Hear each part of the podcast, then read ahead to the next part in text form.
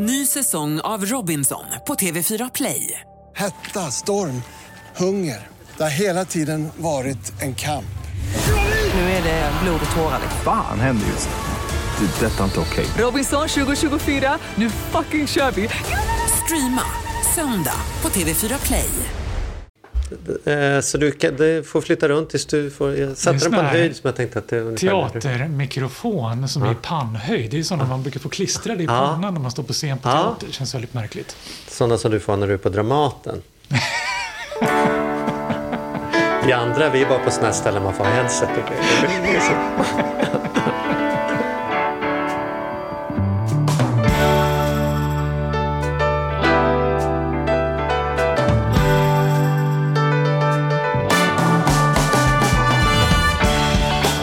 Hej och välkomna till Ekonomi på riktigt med Charlie och Mattias. En podcast om ekonomi som du och jag gör Mattias. Det är därför den heter Charlie och Mattias.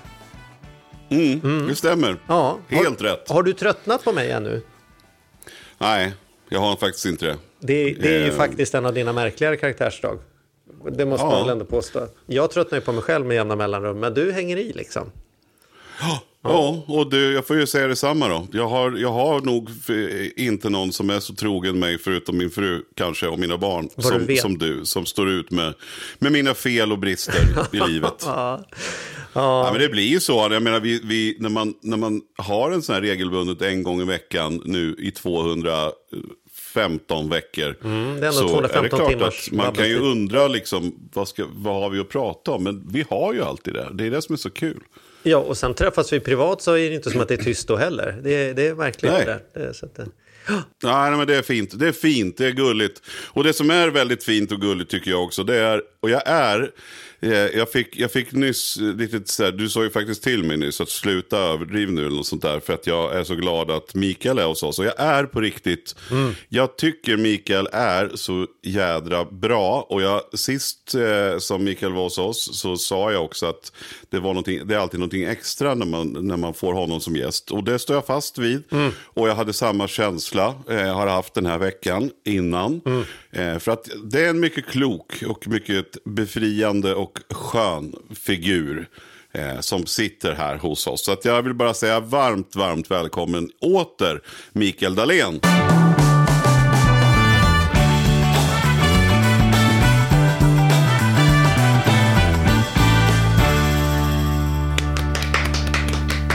Du får en sån här klen tvåpersoners applåd. Men, Ja, men den är hjärtlig. vad, vad den värmer. Applåden och de väldigt, väldigt fina orden. Det är, det är snudd på att jag tar av mig mössan och jackan jag har på mig nu i mitt oerhört frusna tillstånd. Så här, så här varm har jag inte varit på, jag kan inte ens minnas när jag var så här varm senast. Förmodligen när jag gästade er senast. Ja, och det var ett tag sedan Ja, som vi hängde senast. Ja, Faktiskt. så länge sedan att jag inte ens minns när Nej, inte jag tror att vi, om jag minns rätt, nu kan jag, lyssnarna får rätta oss här, så var det in, precis innan eh, Nobelpriset eh, november, eh, alltså för ett och ett halvt år sedan. Ja, men det minns jag. För, För då jag tog pratade er... vi om att du skulle försöka ha, ha, eh, ha, ha klänning, vad var ju våran idé. Eller att du skulle ha naglar inspirerade eh, färgställningsmässigt av, av att göra en sardan. Liksom att eh, ta i där. Ja, jag minns gott och väl. Jag tog er hjälp att samla mod där och kanske värme också med tanke på hur jäkla kallt på ren svenska det är i eh, Stadshuset, inte minst vintertid. December. Tråga på allt minns jag just den dagen, för det var den enda dagen förra vintern när det var vinter. Just den dagen, 10 december, var det snö, svinkallt. Kom natten innan, försvann dagen efter. Så tajmade det perfekt med att jag skulle stå där i ärmlöst och vänta på den här jäkla bussen utanför Konserthuset inne i stan ut till Stadshuset som var ännu kallare. Ja. Ja. Jag hade Men, klarat utan men, det var ju Ja, också, men för det var ju också i samband med en liten bok om lycka. Mm. Du hade ju tänkt att skriva en stor bok. Det var förlaget som tyckte du skulle skriva en liten bok. Eller hur? Det var ju den vi pratade om mycket. Ja, Det var det precis. Lyckoboken. Stämmer. Och den har ju exploderat sedan dess. Eller hur? Den, eller i alla fall i mitt liv. Nu är det så farligt med sociala medier och sådana saker eftersom man får ju mer av det man redan är insatt i istället för att få annat. Men, men min upplevelse är att det, det har pratats mycket om den och den måste ha sålts massor och liksom rört sig och grejer. Eller? Ja, de, den har eh, fört en väldigt famla efter adjektiv här. En spännande tillvaro tycker jag själv, för den kom ju ut precis innan coronan briserade här i Sverige. Mm. Och togs då emot som en bok som sätter fingret på samtiden i avseendet att vi inte är lyckligare än vi borde vara med alla förutsättningar och möjligheter vi har och alla val vi har gjort som borde göra våra liv helt perfekta. Och sen hände sen togs en hel del av de där valen. Coronan och alla dessa möjligheter och förutsättningar ställdes helt på ända. Och de där valen blev av ett helt annat slag. Så jag tänkte det här blir väl boken med den kortaste shelf life, hylllivet ja. i modern tid. Men den fick som, likt coronan, en andra våg där. För då började den betraktas som någonting att lite, lite hitta tröst i. Mm. När det känns jobbigt och svårt. Finns det några små ljusglimtar och, och tillvägagångssätt för att bli lite Vad i boken är det som du har fått feedback på som människor hittar mest kraft i eller blir mest provocerade av? Eller liksom så här, jag vet inte om det har varit mycket provokationer, men vad, vad, vad får du för feedback som säger så här, du det där, Mm, inte så mycket provokationer. Det, det, kan ju dels bero på som du säger att eh, mina sociala medier är en ganska skön bubbla där sånt inte hittar in.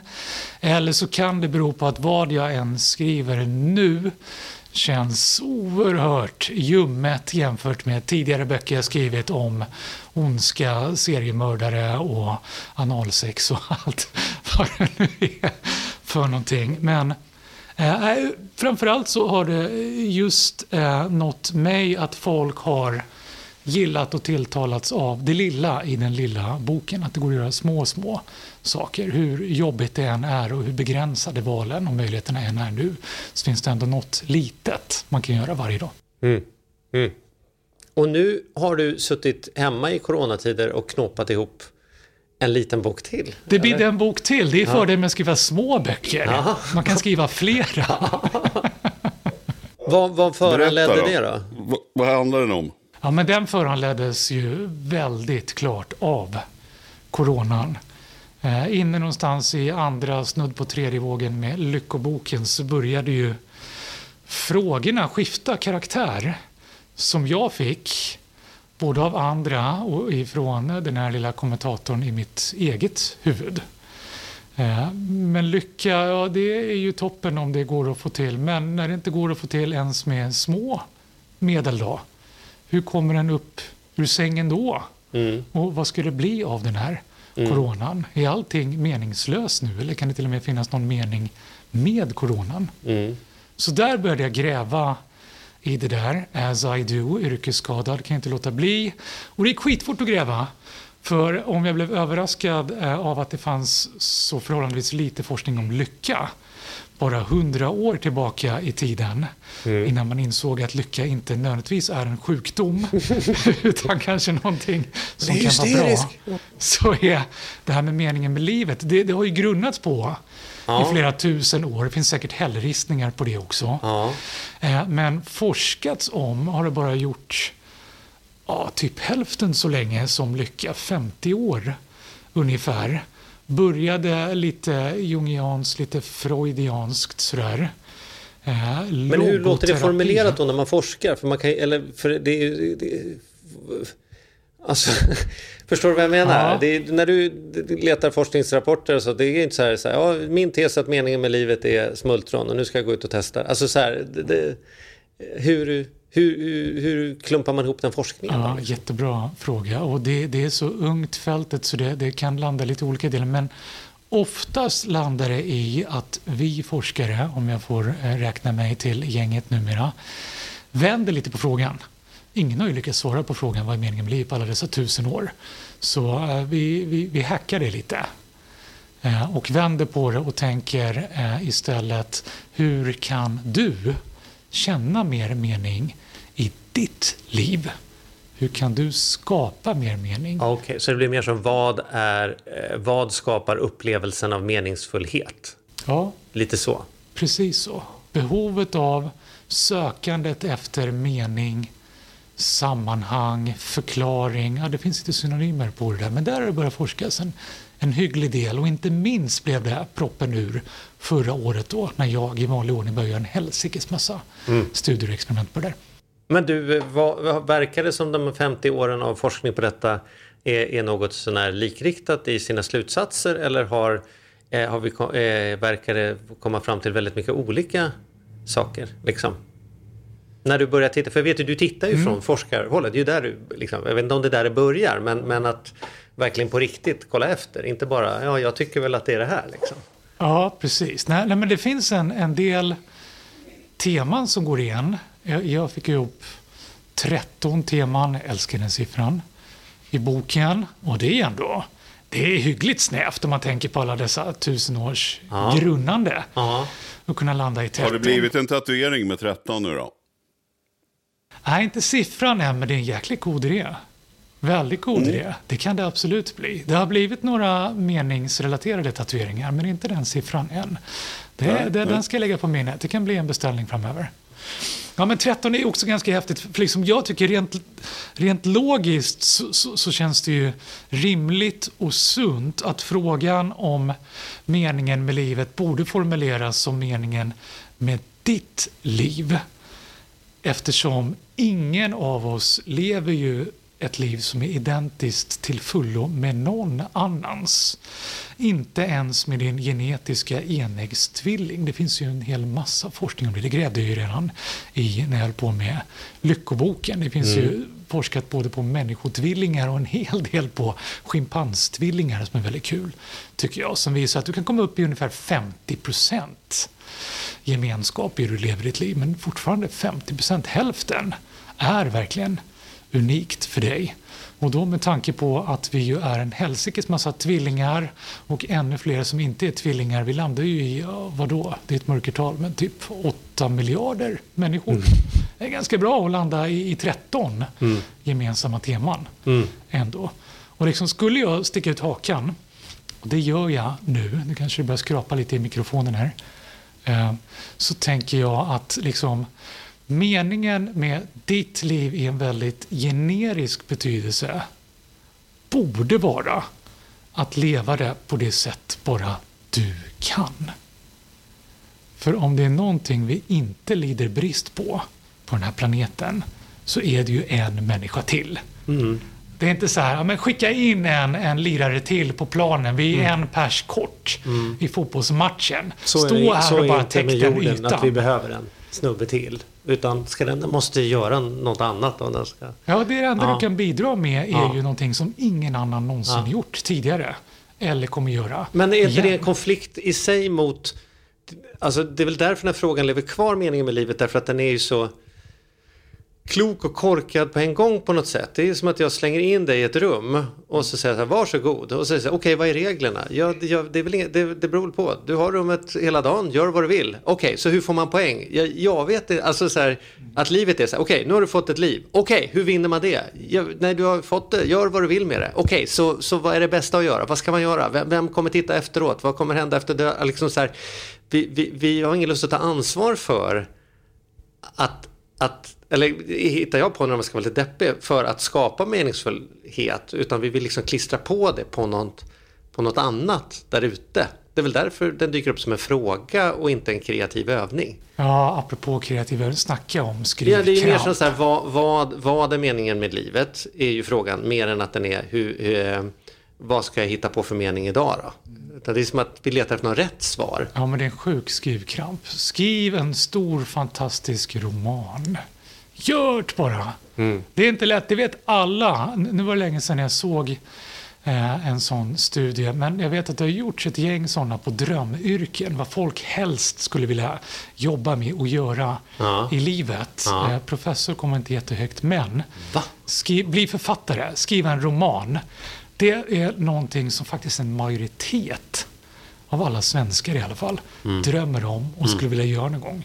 Vi är ganska långt ifrån att en majoritet av alla svenskar skriver mm. en roman. Mm. Och, och, en väsentlig förklaring till det tror jag är skrivkramp. Var fasen börjar man någonstans? Vad ska det bli? Att bara föreställa sig ens. Så du Det menar att vi har liksom som en skrivkramp i att skriva meningen, alltså våran egen lilla, våran egen lilla eh, liksom, eh, meningen med livet-bok? Ja, precis. Och jag Ja. tror liksom att nyckeln kan vara ungefär densamma som för hur en skriver en bok. Mm. Jo, en bara börjar. Det är det enda jäkla sättet. En bara börjar. Och det vet ju alla vi tre som skrivit böcker och eh, alla författare jag har pratat med eh, har just det knepet. Att bara börja. Varje dag. Ja. Det bär emot nästan varje dag. Vissa dagar är det en glädje, man hoppar fram till tangentbordet. Men de flesta dagar så är det ett motstånd. Och enda sättet att komma igång är att komma igång. Att ha något beting. Idag ska jag skriva två sidor. Jag ska skriva två sidor varje dag, hur tungt det än är. Eller jag ska sitta i två timmar eller vad det nu är för någonting. Alla författare jag känner har sådana rutiner. Att bara göra det. Och sen när en väl har, har skrivit tillräckligt mycket, då börjar en få en känsla för vad det här egentligen är. Och vad det egentligen kan bli för någonting. För det är som med alla floskler, att en resa börjar med ett första steg. Ja, en bok börjar med en första sida och en, en livsberättelse börjar också med en första sida. Men nu har ju du skrivit en bok om meningen med livet som jag då tänker inte är så här klurig att man öppnar den och sen är den tom. Det är upp till dig att skriva. Varsågod. Ja, men ett av tipsen Ja, läs av- inte den här boken. Men ett av tipsen är skriv. Ja. Och det finns det eh, hyggligt mycket forskning på. Att vi känner mening när vi betraktar vårt liv som en berättelse. När vi ser hur saker och ting hänger ihop. Vi kanske inte kunde se det innan det hände, kanske inte ens när det hände, men i efterhand kan vi se att det ena gav det andra. Och det här har gett en riktning. Det här har gett en mening, men enda möjligheten att se det är om jag gör det synligt för mig själv, om jag skriver ner det så att jag kan connect the dots, koppla samman punkterna, lägga sida på sida så. Och då finns det faktiskt forskning som visar att människor som skriver, eller här får bli imperfekt, det var några år sedan forskningen gjordes, människor som skrev dagböcker Mm. upplevde, kände större mening i sina liv. Och det kan ju vara svårt att applicera numera när inte en jäkel skriver dagbok. Finns det Är det såna så? Det är ingen som gör det längre? Nej. Så då tänkte jag, finns det någon motsvarighet till det då? Ja, det ena är ju tillbaka till det här med romanskrivandet och skriva roman. Eh, Eller skriv på det sätt som du skriver numera. För vi skriver ju ganska mycket på fejan, Mm. på instan, eh, i andra format. Det fanns det ingen forskning om, Mm. vilket jag älskar, för då gjorde jag det själv. Mm. Så testade jag det på folk som skriver saker på fejan, på instan eh, och såg de som eh, gjort det mera nylikt, de som gjort det i större utsträckning senaste veckan. Kände de större mening i livet än genomsnittet? Ja, Mm. det gjorde de. Och så testade jag en variant där jag bad människor rent experimentellt skriva och tänka efter kring de här inläggen de skriver. Vad betyder det här? Och så följde jag upp det och upptäckte att ja, det fick de också och känna lite större mening i livet. Så så litet, om vi nu verkligen ska göra till någonting litet och konkret. Redan ditt nästa Insta-inlägg eller Facebook-inlägg kan ge dig lite mer känsla av mening om du skriver det och tänker till kring vad det där betyder för dig. Mm. Det är väl ganska häftigt? Ja, det är coolt faktiskt. Det... Men om man ska hitta någon, om man ska hitta någon annan metafor då, för menar, skrivandet är ju bra, liksom. men de som inte skriver, om man inte nu skriver någonting på Instagram eller Facebook eller har ens en dröm om att vara författare, eh, hjälp, hjälp, hjälp oss andra att hitta Mattias vill inte skriva meningen han behöver en av de andra tolv. Ja, men en av mina favoriter är Gilla läget. Punkt. Mm. Gilla läget, det, det kan låta så här hurtfriskt, klämmigt och det är det ju på, på sätt och vis. Men också på ett lite djupare plan att om en inte riktigt blir klok på meningen i tillvaron och med skeendena att istället för att brottas med det och frustreras över det faktiskt välja att gilla läget. Att mm. faktiskt tänka att jag förstår inte och vet inte meningen, men det behöver inte betyda att det inte finns en mening. Det kan finnas en mening ändå. Och jag kan tillåta mig att lite vila i den övertygelsen. Att meningen finns där och jag kommer förhoppningsvis bli varse den sen. Mm. Det testade jag också. För, det där, mm, för det, där, det, där, det där kan jag verkligen känna igen i, framförallt när jag var i tonåren eller när man växte upp och sådär. Och kan, jag kan gå dit även ibland fortfarande när man börjar tänka för stort. Liksom. Man börjar tänka på rymden och man börjar tänka på när man inte finns och hur ser livet ut. Och, alltså, det, blir så här, det blir så svindlande till slut så att så att man pallar inte. Eh, och då, eller jag gör inte det i alla fall. Och då är, brukar jag bara så här, tillbaks nu bara så här. Gilla läget, här är jag. Nu ska jag titta på en film, nu ska jag sätta på en serie. Fan vad mysigt. Eh, ta en öl och njut. Liksom. Man måste liksom, det vill säga, måste man hitta meningen med livet? Nej, det måste man inte.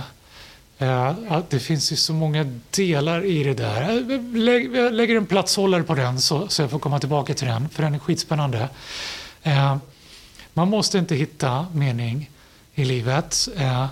Det, det, är bra att tänka att det nog kan finnas en mening. det vet jag, det testade jag. jättesnabbt, jag gjorde en, en sån instapoll. Bara snabbt, jag var så nyfiken. Frågade människor Tycker du att det ligger något i den här flosken, ni vet, eh, eh, det finns en anledning till allt. There's a reason for everything. Eh, det finns en mening bakom allt. Sånt där som de flesta av oss slängt ur oss mm. någon gång. Det var inte meningen att det skulle bli du och jag. Jag googlade det också. Så jäkla många eh, sportsammanhang där det mm. nämns. Det var inte mm. meningen att vi skulle vinna matchen den här Nej. gången. Nej. Och så vidare. Så jag bara fråga, tror du på att det är så? Att det finns en mening bakom allt? Och det var så skönt symmetriskt, eh, nästan på, på eh, procentenheten 50-50 bland dem som svarade. Så då, då, tog jag det ett steg längre eh, och så gjorde jag om där och frågade, tror att det finns en mening bakom allt? Eh, och känner du mening i livet? Mm. I vilken utsträckning känner du att livet är meningsfullt? Och det visade sig att de 50 procent som bara så här rent blanket statement på det stora hela tycker jag, men det finns någon mening bakom allt. De kände också lite större mening i livet.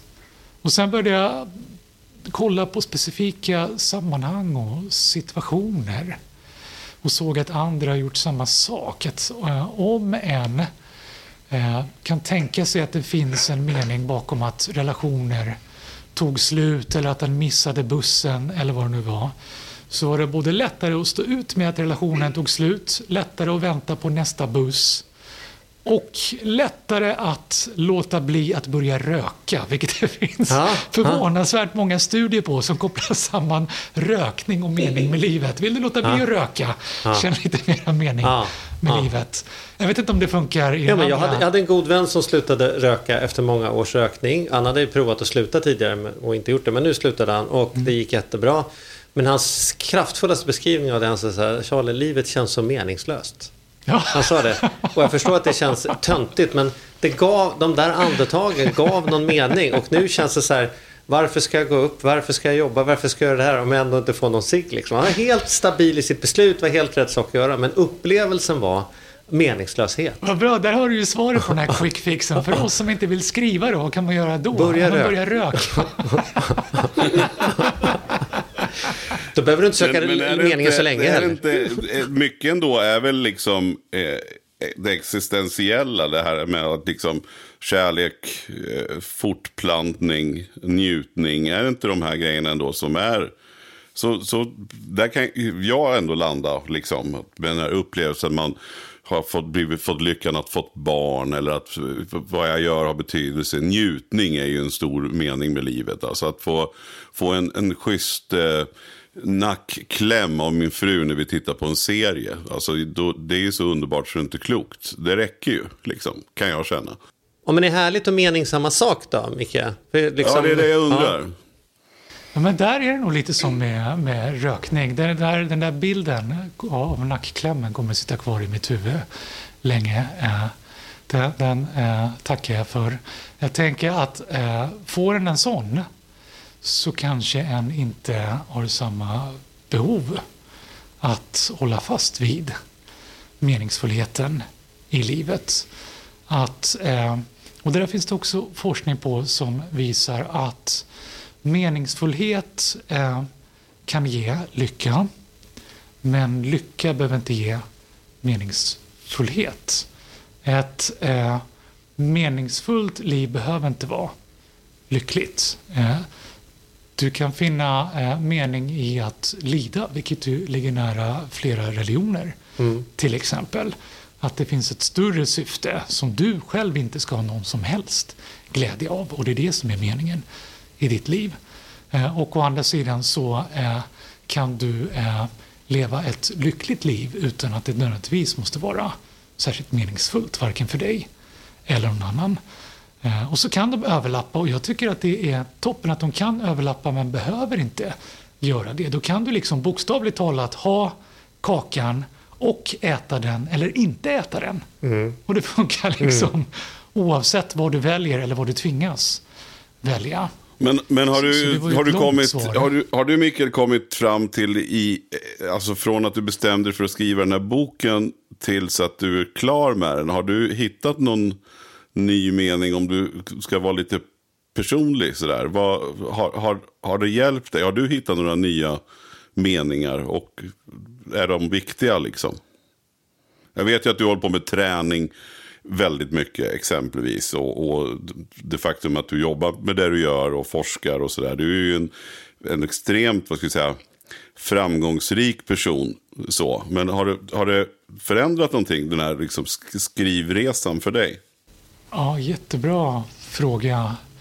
Träning och forskning, eh, väl nog kunde jag få eh, bekräftat att det faktiskt eh, är bra att jag har hållit på med det så länge. Därför att eh, vi, meningsforskarna, eh, har upptäckt att till exempel träning kan ge lite mer meningsfullhet i tillvaron. Men det där går ju också igen sådana här saker som en sund själ i en sund kropp och din kropp är ditt tempel och allt det där. Och det finns det forskning på. Eh, träning på det stora hela eh, och, och, träning omedelbart direkt efter ett träningspass, vare sig det är yoga, löpning, styrketräning eller vad helst egentligen, ger en omedelbar och förlängd känsla av mening. Det är liksom att du, du rustar fartyget, plattformen, mm. kärlet för ditt liv nu och i framtiden och kunna få ut så mycket som möjligt av det.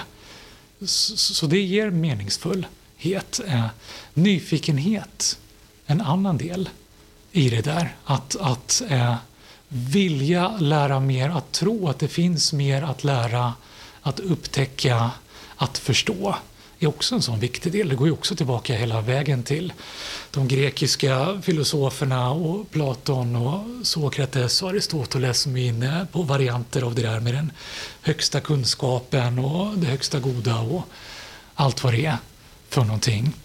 Eh, och det har jag också kollat närmare på och det är definitivt det är en jätteviktig del att aldrig känna sig riktigt färdig lärd. Mm.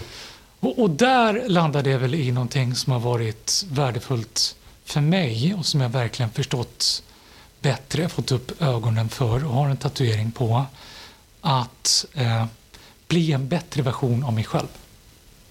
Att inte frustreras så mycket, inte grämas över att jag inte är så bra. Jag har aldrig tyckt att jag är bra. Jag har inte tyckt att jag är en bra människa. Jag har inte tyckt att jag är särskilt bra på någonting jag gör och har brottats med det. Men när jag i det här arbetet börjar tänka på att vända på det, att det finns en mening i att bli lite bättre hela tiden. Att imorgon är en anledning att gå upp ur sängen, hur jobbigt det än känns. Mm. För att jag har fått möjlighet att bli lite bättre, lite klokare, till exempel genom min forskning. Lite starkare om jag tränar, lite bättre som partner, som medmänniska, som kompis, som eh, förare i trafiken. För att ta en eh, incident som jag inte ska prata mera om på vägen hit idag.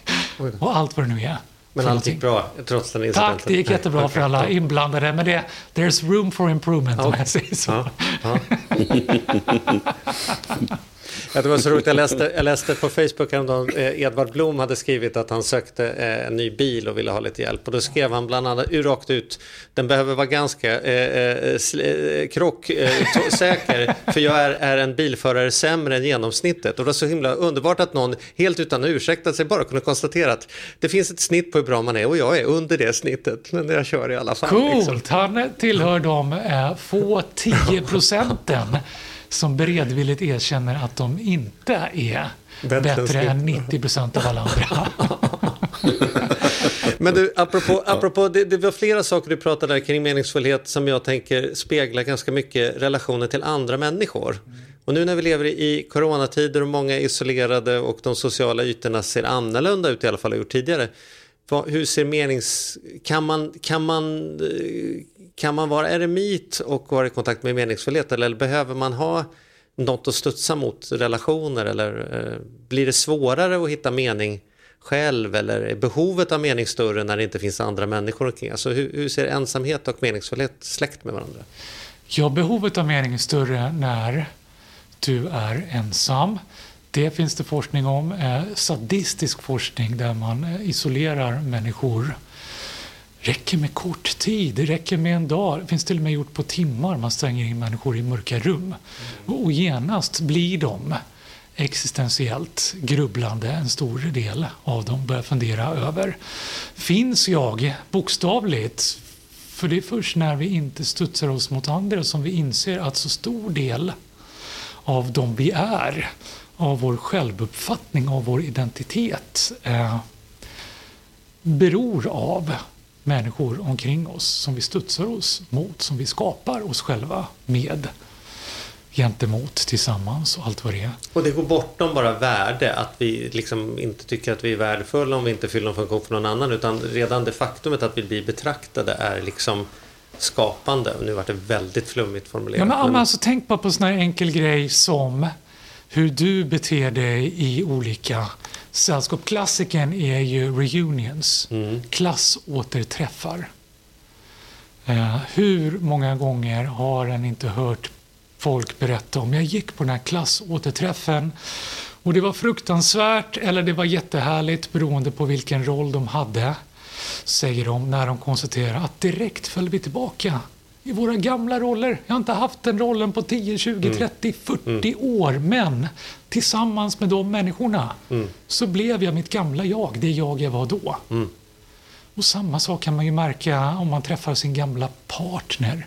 Att det känns konstigt för helt plötsligt börjar jag prata annorlunda, bete mig annorlunda för jag var ju en annan person med just den partnern. Eller om man är ute med två kompisar och så möter man en kompis från ett annat kompisgäng. Det har jag hört flera gånger. Folk som så duckar. De låtsas inte om att den här personen är där. Jag såg inte den personen. För det är så jobbigt för jag vet inte hur jag ska bete mig. Mm. När de här två kompis... Två världar möts liksom. Ja, mm. precis. Mm. Så, så, det är viktigt och där finns det definitivt forskning om hur samhörighet och gemenskap är, är väldigt viktigt för, för menings... Eh, upplevelsen för meningsskapande. Jag menar, det har vi märkt inte minst nu under pandemin, isoleringen, när mycket av den här gemenskapen vi tog för givet i Människorna vi mötte på gymmet eller i löparspåret eller i korpenlaget eller på jobbet eller på fikan eller allt vad det nu var. En massa olika gemenskaper som bara försvann. Så. Hur jobbigt det blev, hur svårt det blev, hur ensamma vi kände oss. Men det, är också, det finns ju också någonting med, med mening men också med perspektiv. Jag, kan, jag kanske blandar ihop eller kan inte hålla isär det. Men för mig var det ju så då, eh, kan jag berätta för dig då Mikael. Eh, vi har säkert tjatat om det med, med lyssnarna lite grann. Men eh, jag, drog, jag drog, samma dag som Guldbron kom eh, till stan. Så drog jag till landet och har stannat här på landet sedan dess. Jag har varit uppe och jag har faktiskt varit uppe och podda ett, någon, någon gång. Jag har väl sovit en tre, fem nätter i stan. Men bortsett från det så, och ja, landet ligger verkligen mitt i skogen. Jag har inte, har en, ja, en kilometer till närmsta, närmsta granne. Men det har ju varit, bortsett från tra tragiken runt om med, för alla drabbade och allting. Så för mig personligen har det ju varit en, en enorm upplevelse. Dels att vara med mig själv så mycket. Därför att fru och barn har inte kunnat vara här i samma utsträckning. Så jag har varit väldigt, väldigt mycket själv. Eh, men, men också det här, jag har ju också varit den som har jag har skojat om, eller med dig Charlie när du har åkt på sån här hitta dig själv-grejer en vecka någonstans. Eller jag tyckte en vecka i tystnad i Skottland, det är Mattias, tycker inte det är något man ska betala för liksom. Nej, men alltså jag har inte förstått riktigt liksom, de där grejerna och, och inte tyckt att jag haft något behov. Och jag vet inte om jag har, kanske jag inte har heller, men, men det har hänt väldigt mycket i att vara liksom bytt totalt miljö. Liksom. Och, och bara varit här och levt här och, och varit. Och, och det har ju verkligen, jag kan tycka att jag har hittat, jag vet inte om jag hittat någon ny mening med livet, men, men jag har fått andra, andra perspektiv på livet på något vis. Jag har eh, också, jag börjar likna dig Mikael, jag, skägg har jag haft långt men nu är håret, jag har ju inte klippt mig bara för att det har varit corona, jag har inte varit hos en frisör då sen i januari förra året. Eh, och det ju, förändrar ju en hel del. Liksom. Men, men det är otroligt, tycker jag, fascinerande under vad som har hänt under den här coronan för alla. Men, men om jag ska vara ego då för mig själv. Eh, jag ser saker på annat sätt. Jag tycker mindre saker, vissa saker är mindre viktiga och vissa saker blir mer viktiga. Och det är väldigt fascinerande. Det är jättehäftigt. Det är så många delar i det du säger som är häftigt. Inte minst att du är skitsnygg i ditt långa hår. Jag önskar att det här eh, vore rörlig bild också och inte bara ljud. Du har blivit så vansinnig. Du har blivit ännu mera bildmässig nu, ännu mera bildskön. Jag tror inte det var möjligt, men du eh, visade, du ställde mina fördomar på skam här. Det var möjligt att bli ännu mer bildskön så. Eh, men, men det är spännande det du säger också om att ha kommit närmare dig själv och funderingarna kring mening. För det har jag ju också upptäckt att väldigt många har gjort. Jag har frågat människor och ungefär 50 procent redan i somras upplevde att de börjat fundera mer kring mening i tillvaron och tycker att det är viktigare. Jag skulle gissa att den siffran har stigit ännu mer sen dess. Och jag gjorde vid årsskiftet en studie på ett tusental svenskar för att se hur de mår. Hur lyckliga de är, eh, hur de mår på det stora hela. Och det visade sig att ungefär en tredjedel upplevde inga större förändringar i sitt mående. Och det var ganska tydligt att det var de människorna också som inte upplevt några större förändringar i sin tillvaro. Coronan har ju inte drabbat alla, vare sig socialt eller yrkesmässigt bland annat. Eh, även om de flesta av oss har drabbats på olika sätt. Och de flesta av oss, två tredjedelar uppskattningsvis då, har påverkats och en tredjedel mår sämre.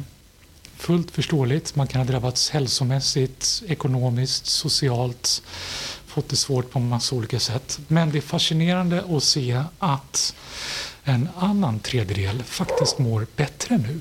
Mm är lite lyckligare, trivs bättre med livet. Och, och det blev jag nyfiken på. Hur kommer det sig? Vad skiljer de här grupperna åt? Bortsett från att de rent hälsomässigt såklart kan ha drabbats mer eller mindre av coronan och andra delar. En väldigt viktig förklaring till det var just i vilken utsträckning en kunnat gilla läget, som vi var inne på, eh, och också börjat fundera och apropå din fråga Mattias, börjat söka mera efter en egen mening. Börjat söka efter möjligheter att göra någonting bra av coronan med tiden vi fått. Jag räknade på det där för några veckor sedan när jag själv hade väldigt mycket tid när jag hade coronan eh, och fann att i genomsnitt har vi i Sverige fått en timme extra per näsa. Per, per dygn? Mm. Ja, precis. Det är ju väldigt mycket. Eh, med tanke på att i stort sett alla näsor, i stort sett alla tyckte ju innan coronan att vi hade för lite tid, att inte ens den tid vi hade räckte till med allt vi skulle göra. Nu har vi plötsligt fått en timme i genomsnitt. Och, och, och benägenheten att faktiskt använda den timmen, den tiden vi fått, till någonting bra.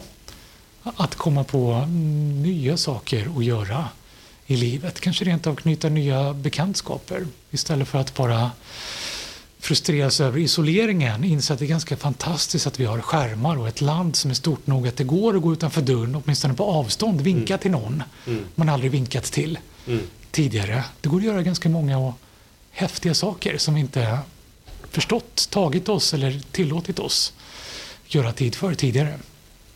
Det tycker jag det är fint att du säger det så och jag hoppas jag hoppas att det lever för många människor. Jag kan uppleva att när jag är ute och rör mig, för det blir att jag går, man går mycket. Liksom. Man åker inte kollektivtrafik utan när ska jag till något ställe så, så är det mycket gå och sen så vill man hålla igång kroppen och man sitter mycket hemma och sådana saker. Jag upplever färre, mindre ögonkontakt från människor därför att det är något så här att alla vill skydda sig i sin bubbla och då vill man liksom inte riktigt ta in andra människor. Vilket jag tycker är ännu läskigare. Jag tänker så här, det är inte många minuter liksom jag, jag, möter andra människor som ens har min, min närhet. Liksom. Och nu är det färre som jag, man får den där lilla vinken, liksom, nicken på näsan eller ja, men det, det, det man, ser, man ser om det är två meter emellan oss men man ser inte mig. Liksom. Fattar vad du menar. Tror det delvis kan bero på, det där är jättespännande. Eh, det, det finns något som eh, kallas för contagion theory som säger att vi tror, inbillar oss medvetet eller ofta undermedvetet att eh, närhet till andra gör att vi kan smittas av deras olika egenskaper. Mm. Är inte det galet? Det finns, det finns eh, studier som pekar på sådana här hemska saker som eh, way back eh, primitivt att folk trodde att homosexualitet på den tiden det var stigmatiserat, att det kunde smitta av sig och inte i närheten av mm. honom mm. eller henne. Aids är ett annat sånt exempel, trots att alla visste att nej, mm. det smittar inte, det mm. gör inte det. Mm. Så tyckte folk ändå att det var läskigt att komma nära mm. eller eh, nudda någon. Det finns till och med såna här knasiga studier som visar att eh, jätteknasigt, eh, fysisk attraktivitet smittar. Så är du för nära eller tar i någon du inte tycker är attraktiv så, så blir du själv liksom mindre obatt. attraktiv ja. och vice versa. Och det här finns till och med testat inom, eh, inom retailing-litteratur. Eh, mataffärer till exempel, så har mätt människors benägenhet att ta i samma paket med ris som en mer eller mindre attraktiv människa mm. har tagit mm. i tidigare och ställt tillbaka. Mm. Och ser hur benägna folk är att göra det. Och hur det upplevs, hur de känner sig efter att ha tagit i det. Och de känner sig lite snyggare, lite mindre snygga själva. Jag kan tänka mig att just med coronan, det kan finnas samma aspekter. Och särskilt om man har munskydd. För det har också visat sig att munskydd som egentligen är till för att bokstavligt liksom på eh, mikropartikelnivå ska filtrera och minska risken för smittspridning funkar ju istället så att om du ser någon med munskydd på så tänker åh, den där, den där jäkeln är sjuk den ska jag akta mig för. Mm. Så, så liksom munskydden är signaler om smitta istället mm. för smittsäkerhet. Mm. Så vill du liksom få gå din bubbla, mm. då är det säkraste sättet att ta på dig munskydd. Mm. Så jag tror det kan vara en förklaring. Mm. Ja, ja, jag fattar. Ja, ja det är väldigt intressant. Mm. Men jag gjorde en kul grej, tycker jag, eh, med ögonkontakt. För det här för vi pratade om förut. Ögonkontakt är bra för lycka. Men de flesta eh, tycker det är jobbigt. Jag tycker det är skitjobbigt. Eh, har jag haft min knep räknat till två, för två sekunder räcker. Ja, ja. Så då kan jag göra det och sen, ja, jag överlevde, nu kan jag gå vidare. Eh, jag har testat det nu när alla föreläsningar jag gör är via skärm. Mm. Så jag har bett folk att söka ögonkontakt med mig eller någon annan via skärmen. Och så räknar vi. För studier har visat att när vi ser varandra i ögonen utan skärm så är fem sekunder bortre gränsen för när vi tycker det är jobbigt, obekvämt, pinsamt, hotfullt, allt vad det nu är på skärm. Inga problem. Fem sekunder, tio, ja. 15. Ja. För liksom det blir det här filtret på något. Det känns säkrare, tryggare. I värsta fall kan du slå igen laptopen eller stänga av telefonen eller vad det är för någonting. Så det är lite lättare att söka ögonkontakt. Så jag tänker att hela hela så här coronan och liksom skärmläget skulle kunna vara ett lite ja, ögonkontaktsträningsläger. Att vi vänjer oss. Det kanske blir mm. lättare ja. efter. Vore inte ja, men låt, oss, låt oss lägga till den meningen då och hoppas att det, det, det leder ja. till det. Ja. Ja.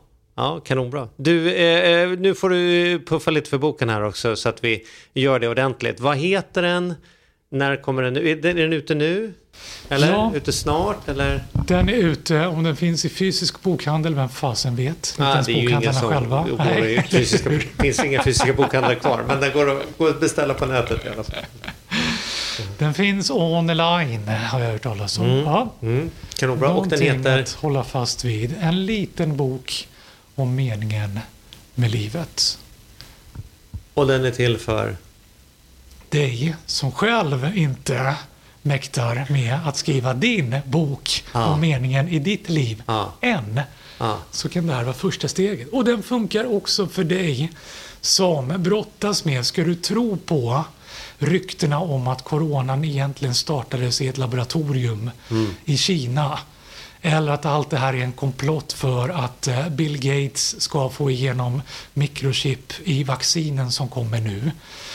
För i boken kan man läsa att människor som är konspirationsteoretiskt benägna upplever lite större mening i livet. Jag var, tog inte det spåret, men jag hörde när du beskrev en av faktorerna där att allting har en mening. Att det är så, så här, en av konspirationsteoretikernas grundtroer är ju att inget händer av en slump. Allting Ja. häng, hänger ihop på något sätt. Liksom. Och det är också tillbaka till det där Ja. Mattias. Hitta på din egen mening, det funkar alltså. Ja, ja, nej men precis. Och för, pa, för, många grejer får man väl också passa på då, så länge den här pandemin pågår. Jag ser ju det här, det är klart att jag skulle kunna vara mycket mer i stan och fixa det och hålla avstånd och sådär. Men för mig har det också blivit en, en, en skön, skön grej att göra. Är, när, kommer jag, när skulle man annars kunna få chansen i ett aktivt yrkesliv att få, få bara vara i, i skogen? Liksom. Så att, ja. Men du, då ska vi ta och eh, då ska jag eh, ta och läsa meningen med livet så kanske jag får ut ännu mer av min lantvistelse. Då ska du ta och kamma dig bokstavligt talat, trodde jag du skulle säga. Och sen så ser vi till att nästa gång vi, vi eh, poddar, då, då blir det en middag. För då, då har det gått så pass lång tid så att vi kan ta den, eller hur? Ja. En Ja. middagspodd. Middagspodd. Mycket bra. Ja.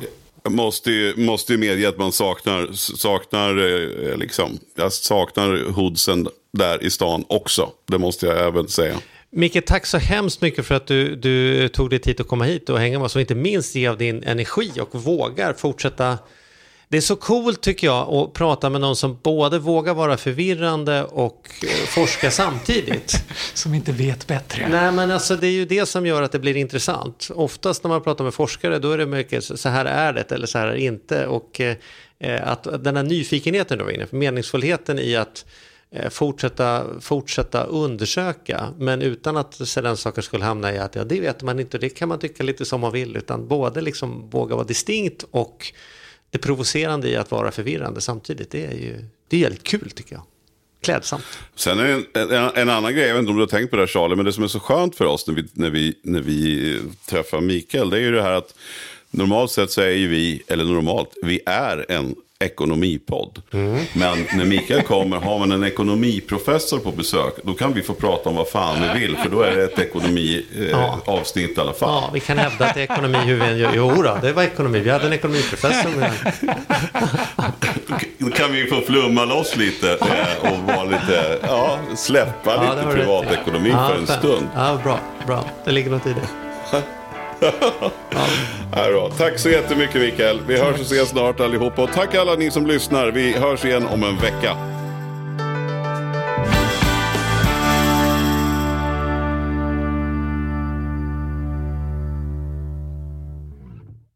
Ny säsong av Robinson på TV4 Play.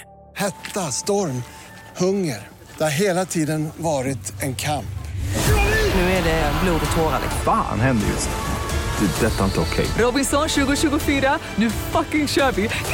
Streama söndag på TV4 Play.